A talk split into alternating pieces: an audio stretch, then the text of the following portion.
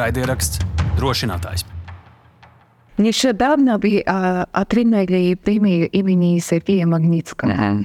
Що ви відчули, отримавши цю нагороду? Звісно, що ця відзнака, ця премія, вона була важливою для Save Ukraine взагалі, не, не для мене особисто, тому що все, що, що досягає Save Ukraine, все, що я можу досягати, це велика робота команди Save Ukraine по порятунку дітей, перш за все, по поверненню дітей. І насправді навіть важко уявити, скільки роботи було пророблено. Але ну, звісно, приємно, що нас відзначили, що нас е, побачили, нашу діяльність і побачили, наскільки це важливо. Тому е, ця відзнака для всієї організації, і, звісно, там також були представники інших країн, Е, тої ж Руанди, представники, які е, політичні в'язні, які зазнали насильств, рідних, яких було вбито.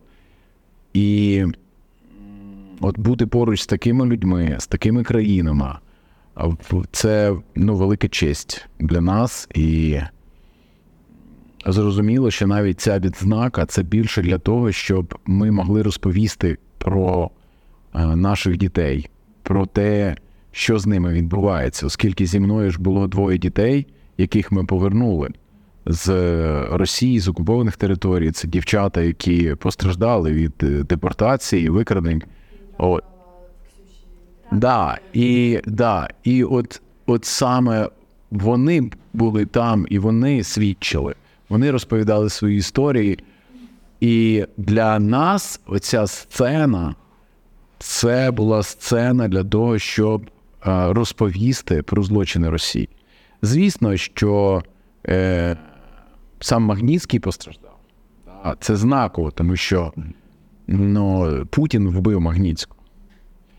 І це знаково те, що там були люди, які страждають від тих режимів в усьому світі, які ну, просто вбивають, масово вбивають людей. І для нас було знаково, тому що е, той же Білл Браудер, який е, організовував це все, друг Магнітського, мій друг, і Євгенія Карамурза, чоловік, який зараз перебуває е, в місцях позбавлення волі в Росії, також який переслідується Путіним, який намагався його вбити.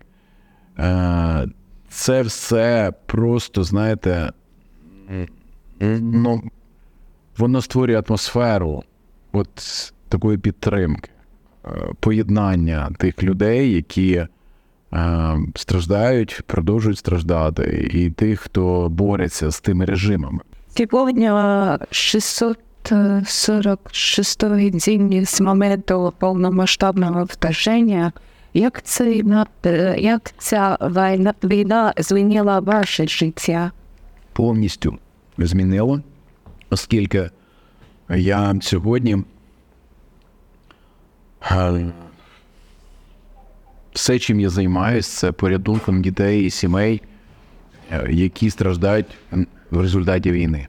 Тобто, замість того, щоб я міг захищати, ну, скажімо так, розвивати мою країну, удосконалювати е, систему, яка має працювати на благополуччя дітей, створювати відповідні послуги для того, щоб діти розвивалися, то замість цього я займаюсь тим кожного дня разом з моєю командою і моєю організацією Save Ukraine, щоб врятувати ще принаймні одну дитину з е, або з окупованих територій, або з Росії, які були е, депортовані примусово, або з зон бойових дій, щоб е, дати їм притулок тим сім'ям, дітям, які або це сироти, які залишились ну, сиротами внаслідок війни, або це сім'ї з дітьми, які все втратили. Тобто зараз Україна в стадії активної війни. І це змінило і моє особисте життя, тому що моя сім'я з першого дня війни були біженцями. Зараз вони повернулися, і ми майже всі разом. У мене є четверо дітей, дружина, дружина зі мною, частина дітей тут, частина дітей ну, порозкидана. Тому а, це вплинуло і на нашу сім'ю, це вплинуло на те, чим я займаюсь. Я краще б хотів би займатися розвитком моєї країни і розвитком системи, яка б допомагала дітям, а не зараз, коли ми рятуємо просто від смерті дітей. Да? Тобто, те, що ми робимо, це ми рятуємо від смерті, від реального загибелі, від, від наслідків війни. Тому, звісно, що ну, це трагедія. Тобто, ми живемо ситуації саме якраз трагедії нашого народу. Ваша організація дуже допомагає дітям. Як ці, ця війна змінила дітей України? Як ви бачите це? Але наслідки ми сьогодні оцінити їх не можемо ще, бо триває війна. Ми вже бачимо по тим дітям, які у нас в центрі, що у них ПТСР, там розлади сну, дуже багато дітей, які закриті, вони не хочуть спілкуватися. Е, Дуже багато проблем в сім'ях, тому що самі батьки травмовані, да, і вони травмують а, своїх, своїх дітей продовжують травмувати. А, дуже багато дітей, які м, мають прогалини в навчанні, які не навчилися, не навчалися 2-3 роки. У нас є діти, які в 10 років не вміють писати і читати. Тому що ковід, потім війна, от 2 роки, і вони не вміють читати. В Україні такого ніколи не було. Тільки під, під час Другої світової війни і після Другої світової війни. От, така ситуація була. Але щоб колись ми могли сказати, що в 10 років дитина не вміє писати, ну у нас система освіти завжди нормально працювала. Але зараз це факт, що діти не навчаються в школі, особливо в регіонах, наближених до е, зони бойових дій або на окупованих територіях. Там серйозна проблема. От. Тому наслідки, знову ж, ми не можемо зараз прорахувати ці наслідки. Бо це саме зараз відбувається. Зараз в цьому ростуть діти, і ми зможемо це побачити там через 5 років, через 10 років, уже, але наслідки будуть жахливі. Яка операція з повер... е... повернення дітей була найскладнішою? О, о. Поліна. Ну, да, мабуть, мабуть. Да, от надо, найдовше ця Полі, Поліна Кіндра, яку майже три місяці ми повертали, бо Росія змусила її здавати аналіз ДНК, щоб довести, що вона бабуся. То в неї були документи, але вона змушена була доводити, що вона бабуся цієї дитини через аналіз ДНК. І навіть після цього аналізу, і це ж контролював офіс Марії Львової Білової все. От, навіть після цього аналізу вони не хотіли віддавати. За ці майже два роки які були найважчі моменти ваші? Цікаво. І От ви перше, хто задали мені це питання. Я навіть про це ніколи не думав. Ну, я думаю, що найважче це була. Найважче точно це була. Е, ну, якби те, що не було сім'ї поруч. Те, що ми рі... ну, це було найважче. Те, що зразу після початку війни ми були розділені, і е, моя сім'я була окремо. Це якби з одного боку е, був певний захист для них, да, і це добре, а з іншого боку, що ну, ну якби ми сім'я, але ми, ми змушені жити окремо взагалі. Вони не жили в Україні якийсь час. Це було важко. Було важко. А, було важко. Знаєте, от, мабуть, те, що кожного дня важко, те, що коли ти. Ну, от я ж працював в уряді довго, да, ну, в державі. І я знаю, як система ну, працює, я знаю, які проблеми були до, до війни, до повномасштабного вторгнення. І зараз важко усвідомлювати, що величезна кількість дітей вони живуть в надскладних умовах, в екстремальному неблагополуччю, скажімо так, extremely vulnerable. Що вони не доїдають, що вони травмовані, що вони зараз взимку можуть бути нормально не вдягнені, що вони втратили когось з близьких, що вони не навчаються нормально, що вони втрачають можливості. Та? Тобто це для їх подальшого життя це трагічно. Просто ну, це вплине на все їх життя, на все. Тобто, це те, що вони не зможуть відновити ніколи. Тому що це від розвитку мозку, це від фізичних речей також, Е, не тільки когнітивні функції, хоча це також. Тому і я розумію, що це вплив прямий на державу. Да? Тобто, ми ж кожного дня бачимо, що з ними відбувається. І це от те, що кожного дня мені не дає якби спокійно а, жити. Да? Тобто, да, воно мене рухає далі, щоб щось робити. Але я просто навіть боюсь думати про ті наслідки, що нас чекає як країну. Бо це покоління, які ми маємо якби виховати, да, зростити, щоб позбутися цих наслідків. Тобто, це можливо 30 років, можливо, 50 років. Бо це не питання тільки відбудови інфраструктури, доріг і так далі.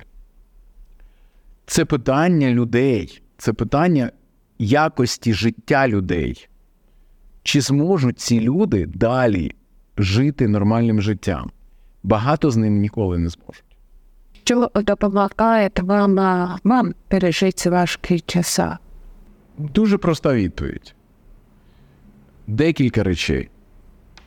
Це підтримка моєї сім'ї. Друга річ. Я віруюча людина.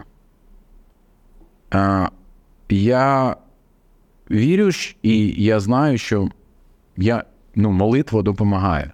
I can pray. And my, my, my friends who could support me. It is my family, God, who helps me not survive, but to to receive potential and optimism and energy for every day. It's from Him. I, I know this for hundred percent. Yeah, and it is my team here, who is my friends and who is with me. We are one team who moving forward every day and we have passion. It is very passion team. Look at her. She is very passionate.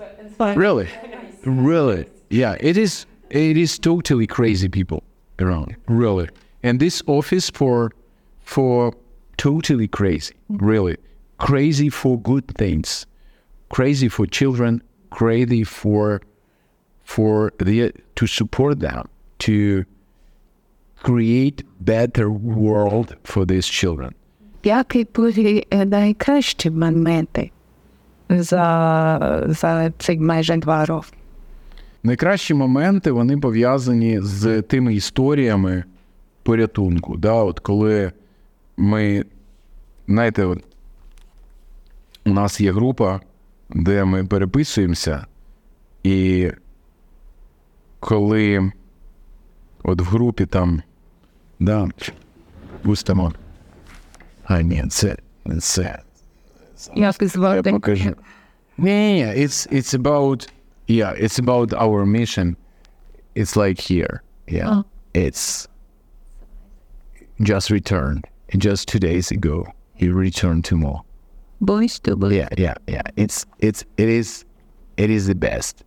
The best moments when we can say, yeah, it happened. Yeah. And, um, it's this boy, Bogdan Yerokhin, who been returned. Yeah. And, um, his two orphans. Yeah.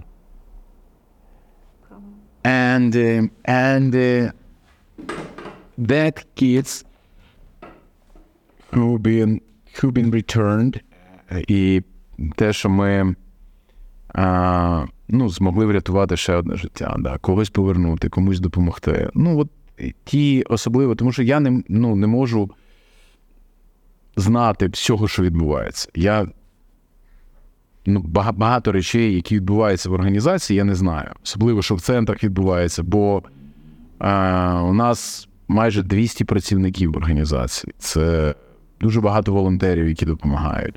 На багато центрів по всій Україні, не тільки там в Києві, а за межами Києва. Тому я не можу знати, що кожного дня відбувається. Але припустимо, коли центри мені надсилають інформацію, і я особливо, якщо відвідую якийсь центр, спілкуюся з батьками, о, дівчами, ну, ну дивіться. It's art therapy center for kids. All of these kids who've been traumatized, yeah, who've been traumatized, and they they it is new family in our Ford home. We are building homes for them. It's his mothers, mothers from combat zones, mothers from combat zones who never did this in their life, and they're practicing this. Yeah, uh, it's for mental health. Yeah, look at this. It's amazing. It's a trauma therapy in our, our therapy center. Uh, it's a, it is the um, Minister of Foreign Affairs, British Minister of Foreign Affairs.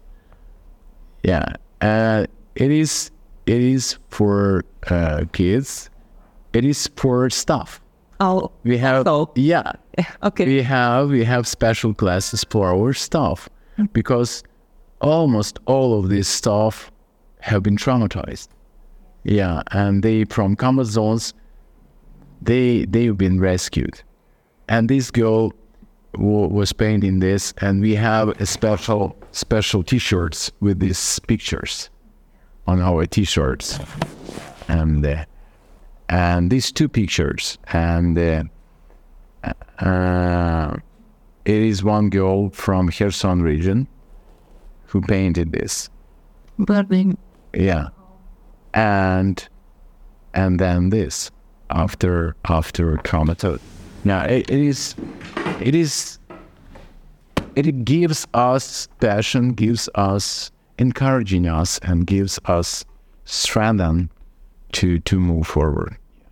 Th- That's why all of these stories, it, all we are doing for this st- this work, for these stories, just ah, да, Я не розумію, але іменно просто вчить. Ага. А, окей. Добре.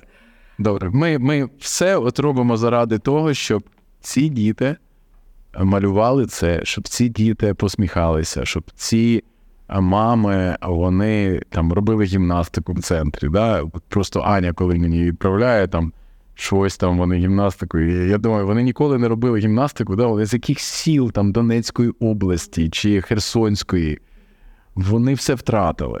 Да? Тобто в них є все для того, щоб бути в відчаї, і щоб бути в депресії, да? і ну, вже якби скласти руки і нічого да, не робити. А тут вони роблять гімнастику, посміхаються, якби.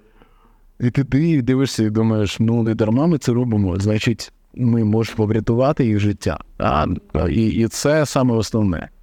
Зараз е, країни світу е, зволікають з створенням міжнародного трибуналу для розгляду злочин Росії.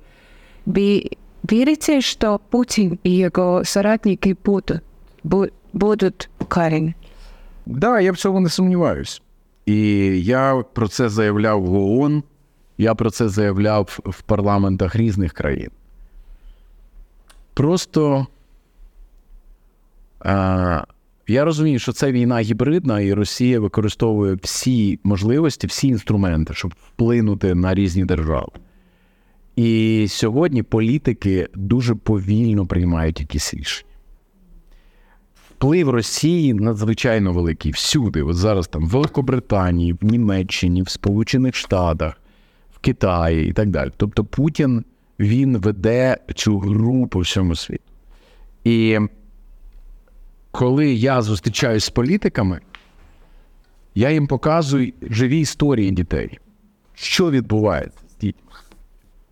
Пояснюю, чому це відбувається. Тому що багато політиків, от зараз ми в Лондоні були з цими дівчатами, е, вони не розуміють, а, а чому це Путін робить, чому це а, там дітей викрадають, навіщо їм це? Тобто це все потрібно пояснювати. І а, це складна історія.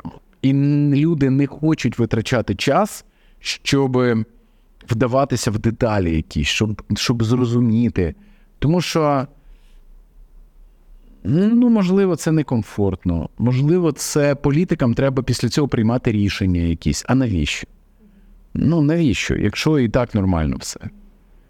Але це Путін, ну, через час, от я виступав в багатьох країнах і казав, що через 20 років ви визнаєте це геноцидом, і потім будете казати: ну да, ну ось да, ми зрозуміли, що це там геноцид. Да, І зараз до сих пір Британія не може визнати голодомор в Україні.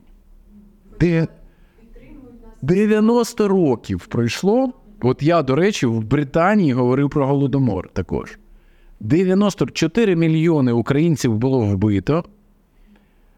І Британія думає, ну, чи визнати Росію там терористом, да, чи не визнати. Ну, от 90 років вони не можуть прийняти це рішення. Але Росія все робить, щоб довести, що вони держава-терорист. Там голодомор, там війни, геноциди, все. От вони, вони все роблять. І війна в Україні, я думаю, що поставить жирну крапку вже, коли вже це буде доведено.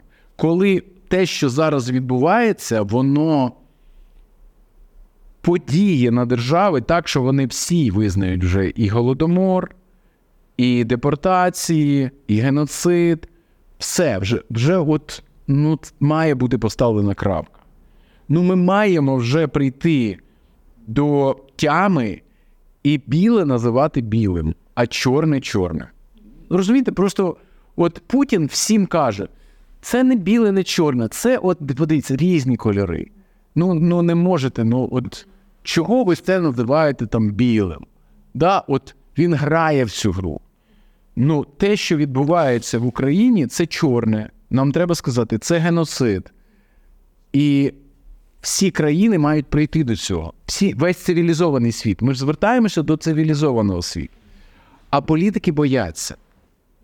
У політиків є інтереси, у бізнесу є інтерес. Від, ну, санкції були ж прийняті проти Росії, але вони ефективно не діють. Росія продовжує виробляти зброю, отримувати сировину, отримувати технології і так далі. Чому? Тому що в світі багато людей, які готові заробляти на цьому гроші. І цивілізовані країни заробляють на цьому гроші. Ну, це такі подвійні стандарти. Це лицемірство. От ця політика побудована на подвійних стандартах на лицемірстві. Як боротися з цим лицемірством? Треба, в принципі, ставити людей в такі умови, коли людині треба вирішувати. Коли їй треба сказати, да, це біле, і я буду підтримувати це біле. Або це чорне, і я там проти цього чорного. Не може бути так. Просто для багатьох людей їм важливо сказати: ну, оце, оце якось незрозуміло, неоднозначно. Да? От основний, основний наратив Путіна неоднозначно все. Ну, ти не можеш сказати на біле біле, бо це неоднозначно. Бо от бачите, отут лежить чорний мікрофон. Значить, це не біле. Значить, це елемент чорного. Розумієте, це певна гра. І люди погодились, цивілізований світ це саме жахливе. Погодився грати в цю гру, яку диктує Росія. Да, от, от грати, вступати в цей діалог і казати: ну, ось ну, нам треба діалог вести з Путіним. І зараз ми бачимо, от, два дні тому в ОБСЄ приїхав Лавров. І багато хто вийшли з залу, просто проігнорував. Не приїхали. G20 приїхав Путін. Ні Китай, ні Сполучені Штати не приїхали туди. Тобто вже йде певний процес. Але, але це тільки, скажімо, тільки початок. І як буде далі, я не знаю. Але я вірю, що а, люди прокинуться. Люди прокинуться. Ну, я не хочу жити в світі, де все неоднозначно. Я не хочу. Тому що я вірю, що чорне це чорне, біле це біле. Я вірю, що війна в Україні це зло, це геноцид, це вбивство, це тоталітаризм. І потрібно про це говорити. А якщо це так, то потрібно діяти. Да, потрібно в Раді, в Раді, я виступав в Радбезі ООН. І Росія частина ООН. І нема того засудження Росії сьогодні. Да? Тобто, е, поки що весь світ ну, розділений, да, неоднозначний, знову ж таки. Можливо, це радикально. Да, я радикал в цьому сенсі. Я радикал, тому що коли вбивають дітей, так не має бути. І ми маємо тоді весь цивілізований світ має сказати, це неправильно, і зупинити це. От я хочу, щоб ті країни сьогодні, які надають підтримку Україні, вони зробили це так, щоб захистити наших дітей і зупинити війну і дати відсіч Путіну. Да, щоб це не була дискусія, чи давати, чи не давати. Як ну слухайте, якщо ви визнаєте, що Путін це зло, це тоталітаризм, що він прийшов знищити нас, вбити, він вбиває дітей. Ну, вибачте, ну ви тут немає теми для дискусії. Тут треба діяти. Е, Яка підтримка зараз е, потрібна Україні та українцям? Ну, нам потрібна підтримка, щоб вижити. Ну, ну, перш за все, дивіться, що потрібно е, дітям? Безпека. Щоб їх не обстрілювали, щоб вони могли їсти, щоб вони могли одягатися нормально, щоб вони могли розвиватися. Для цього потрібно зупинити війну. Перш за все, це ну, от, нам потрібна економічна допомога, да, фінансова допомога Україні, щоб вижити. І потрібна зброя, щоб зупинити Путіна, тому що він прийшов вбивати. Далі це потрібна від, допомога відбудови України. Я, ну, зараз важко говорити про відбудову, коли триває війна. Тому зараз тема виживання. Нам треба все зробити всім країнам, щоб дати Україні вижити. Бо Україна, вона може стати потужною державою в серед європейських цивілізованих держав. І так має бути.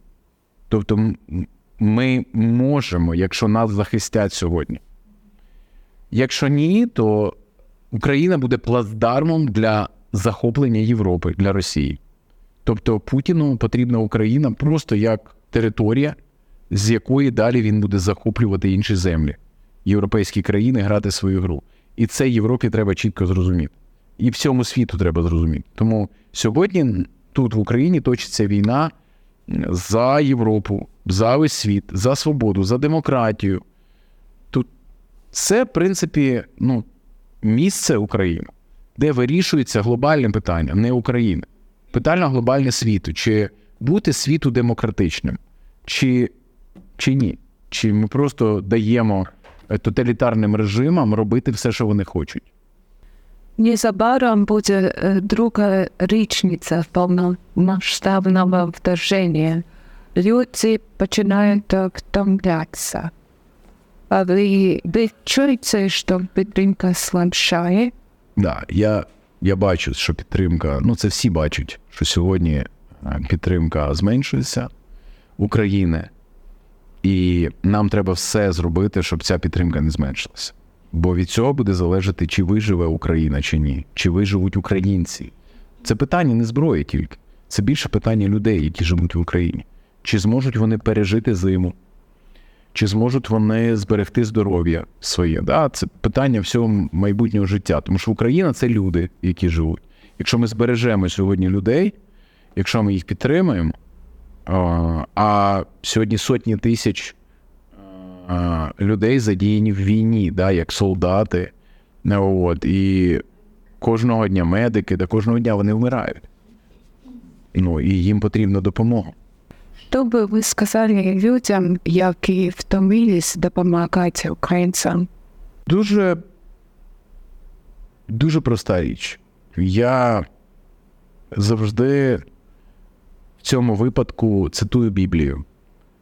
Як ви хотіли, щоб ви до вас чинили, як до вас ставилися, з вами поступало, так і ви робіть по відношенню до інших людей. От я звертаюсь до інших людей і кажу, що якщо б ви були в цій ситуації, коли приходить хтось, хто хоче вас вбити, що б ви хотіли? Як би щоб ви хотіли, щоб вас інші підтримали? Ну, звісно, щоб захистили, щоб допомогли, нагодували, підтримали. От, в принципі, завжди робіть так. Не, не роздумуйте, чи треба там, чи не треба, треба. Бо якщо б ви опинилися в цій ситуації, ви б цього б дуже хотіли. От завжди ставте себе на місце цієї людини. От де б ви не були там, в якій країні, в європейській країні, в Штатах, в Канаді, де завгодно. Робіть так, як мов би ви живете в Україні. Це ви для своєї дитини робите, це для своїх близьких людей ви робите. Тому що ми, хоч ми хочемо такого ставлення до себе. Ми хочемо, щоб ну, поважали наше право на життя. Ми хочемо жити. Наше, ми хочемо, щоб наші діти жили. Ми хочемо, щоб вони ходили в школу, посміхалися, навчалися, нормально харчувалися, щоб вони розвивалися, щоб вони мріяли, щоб вони досягали своїх мрій.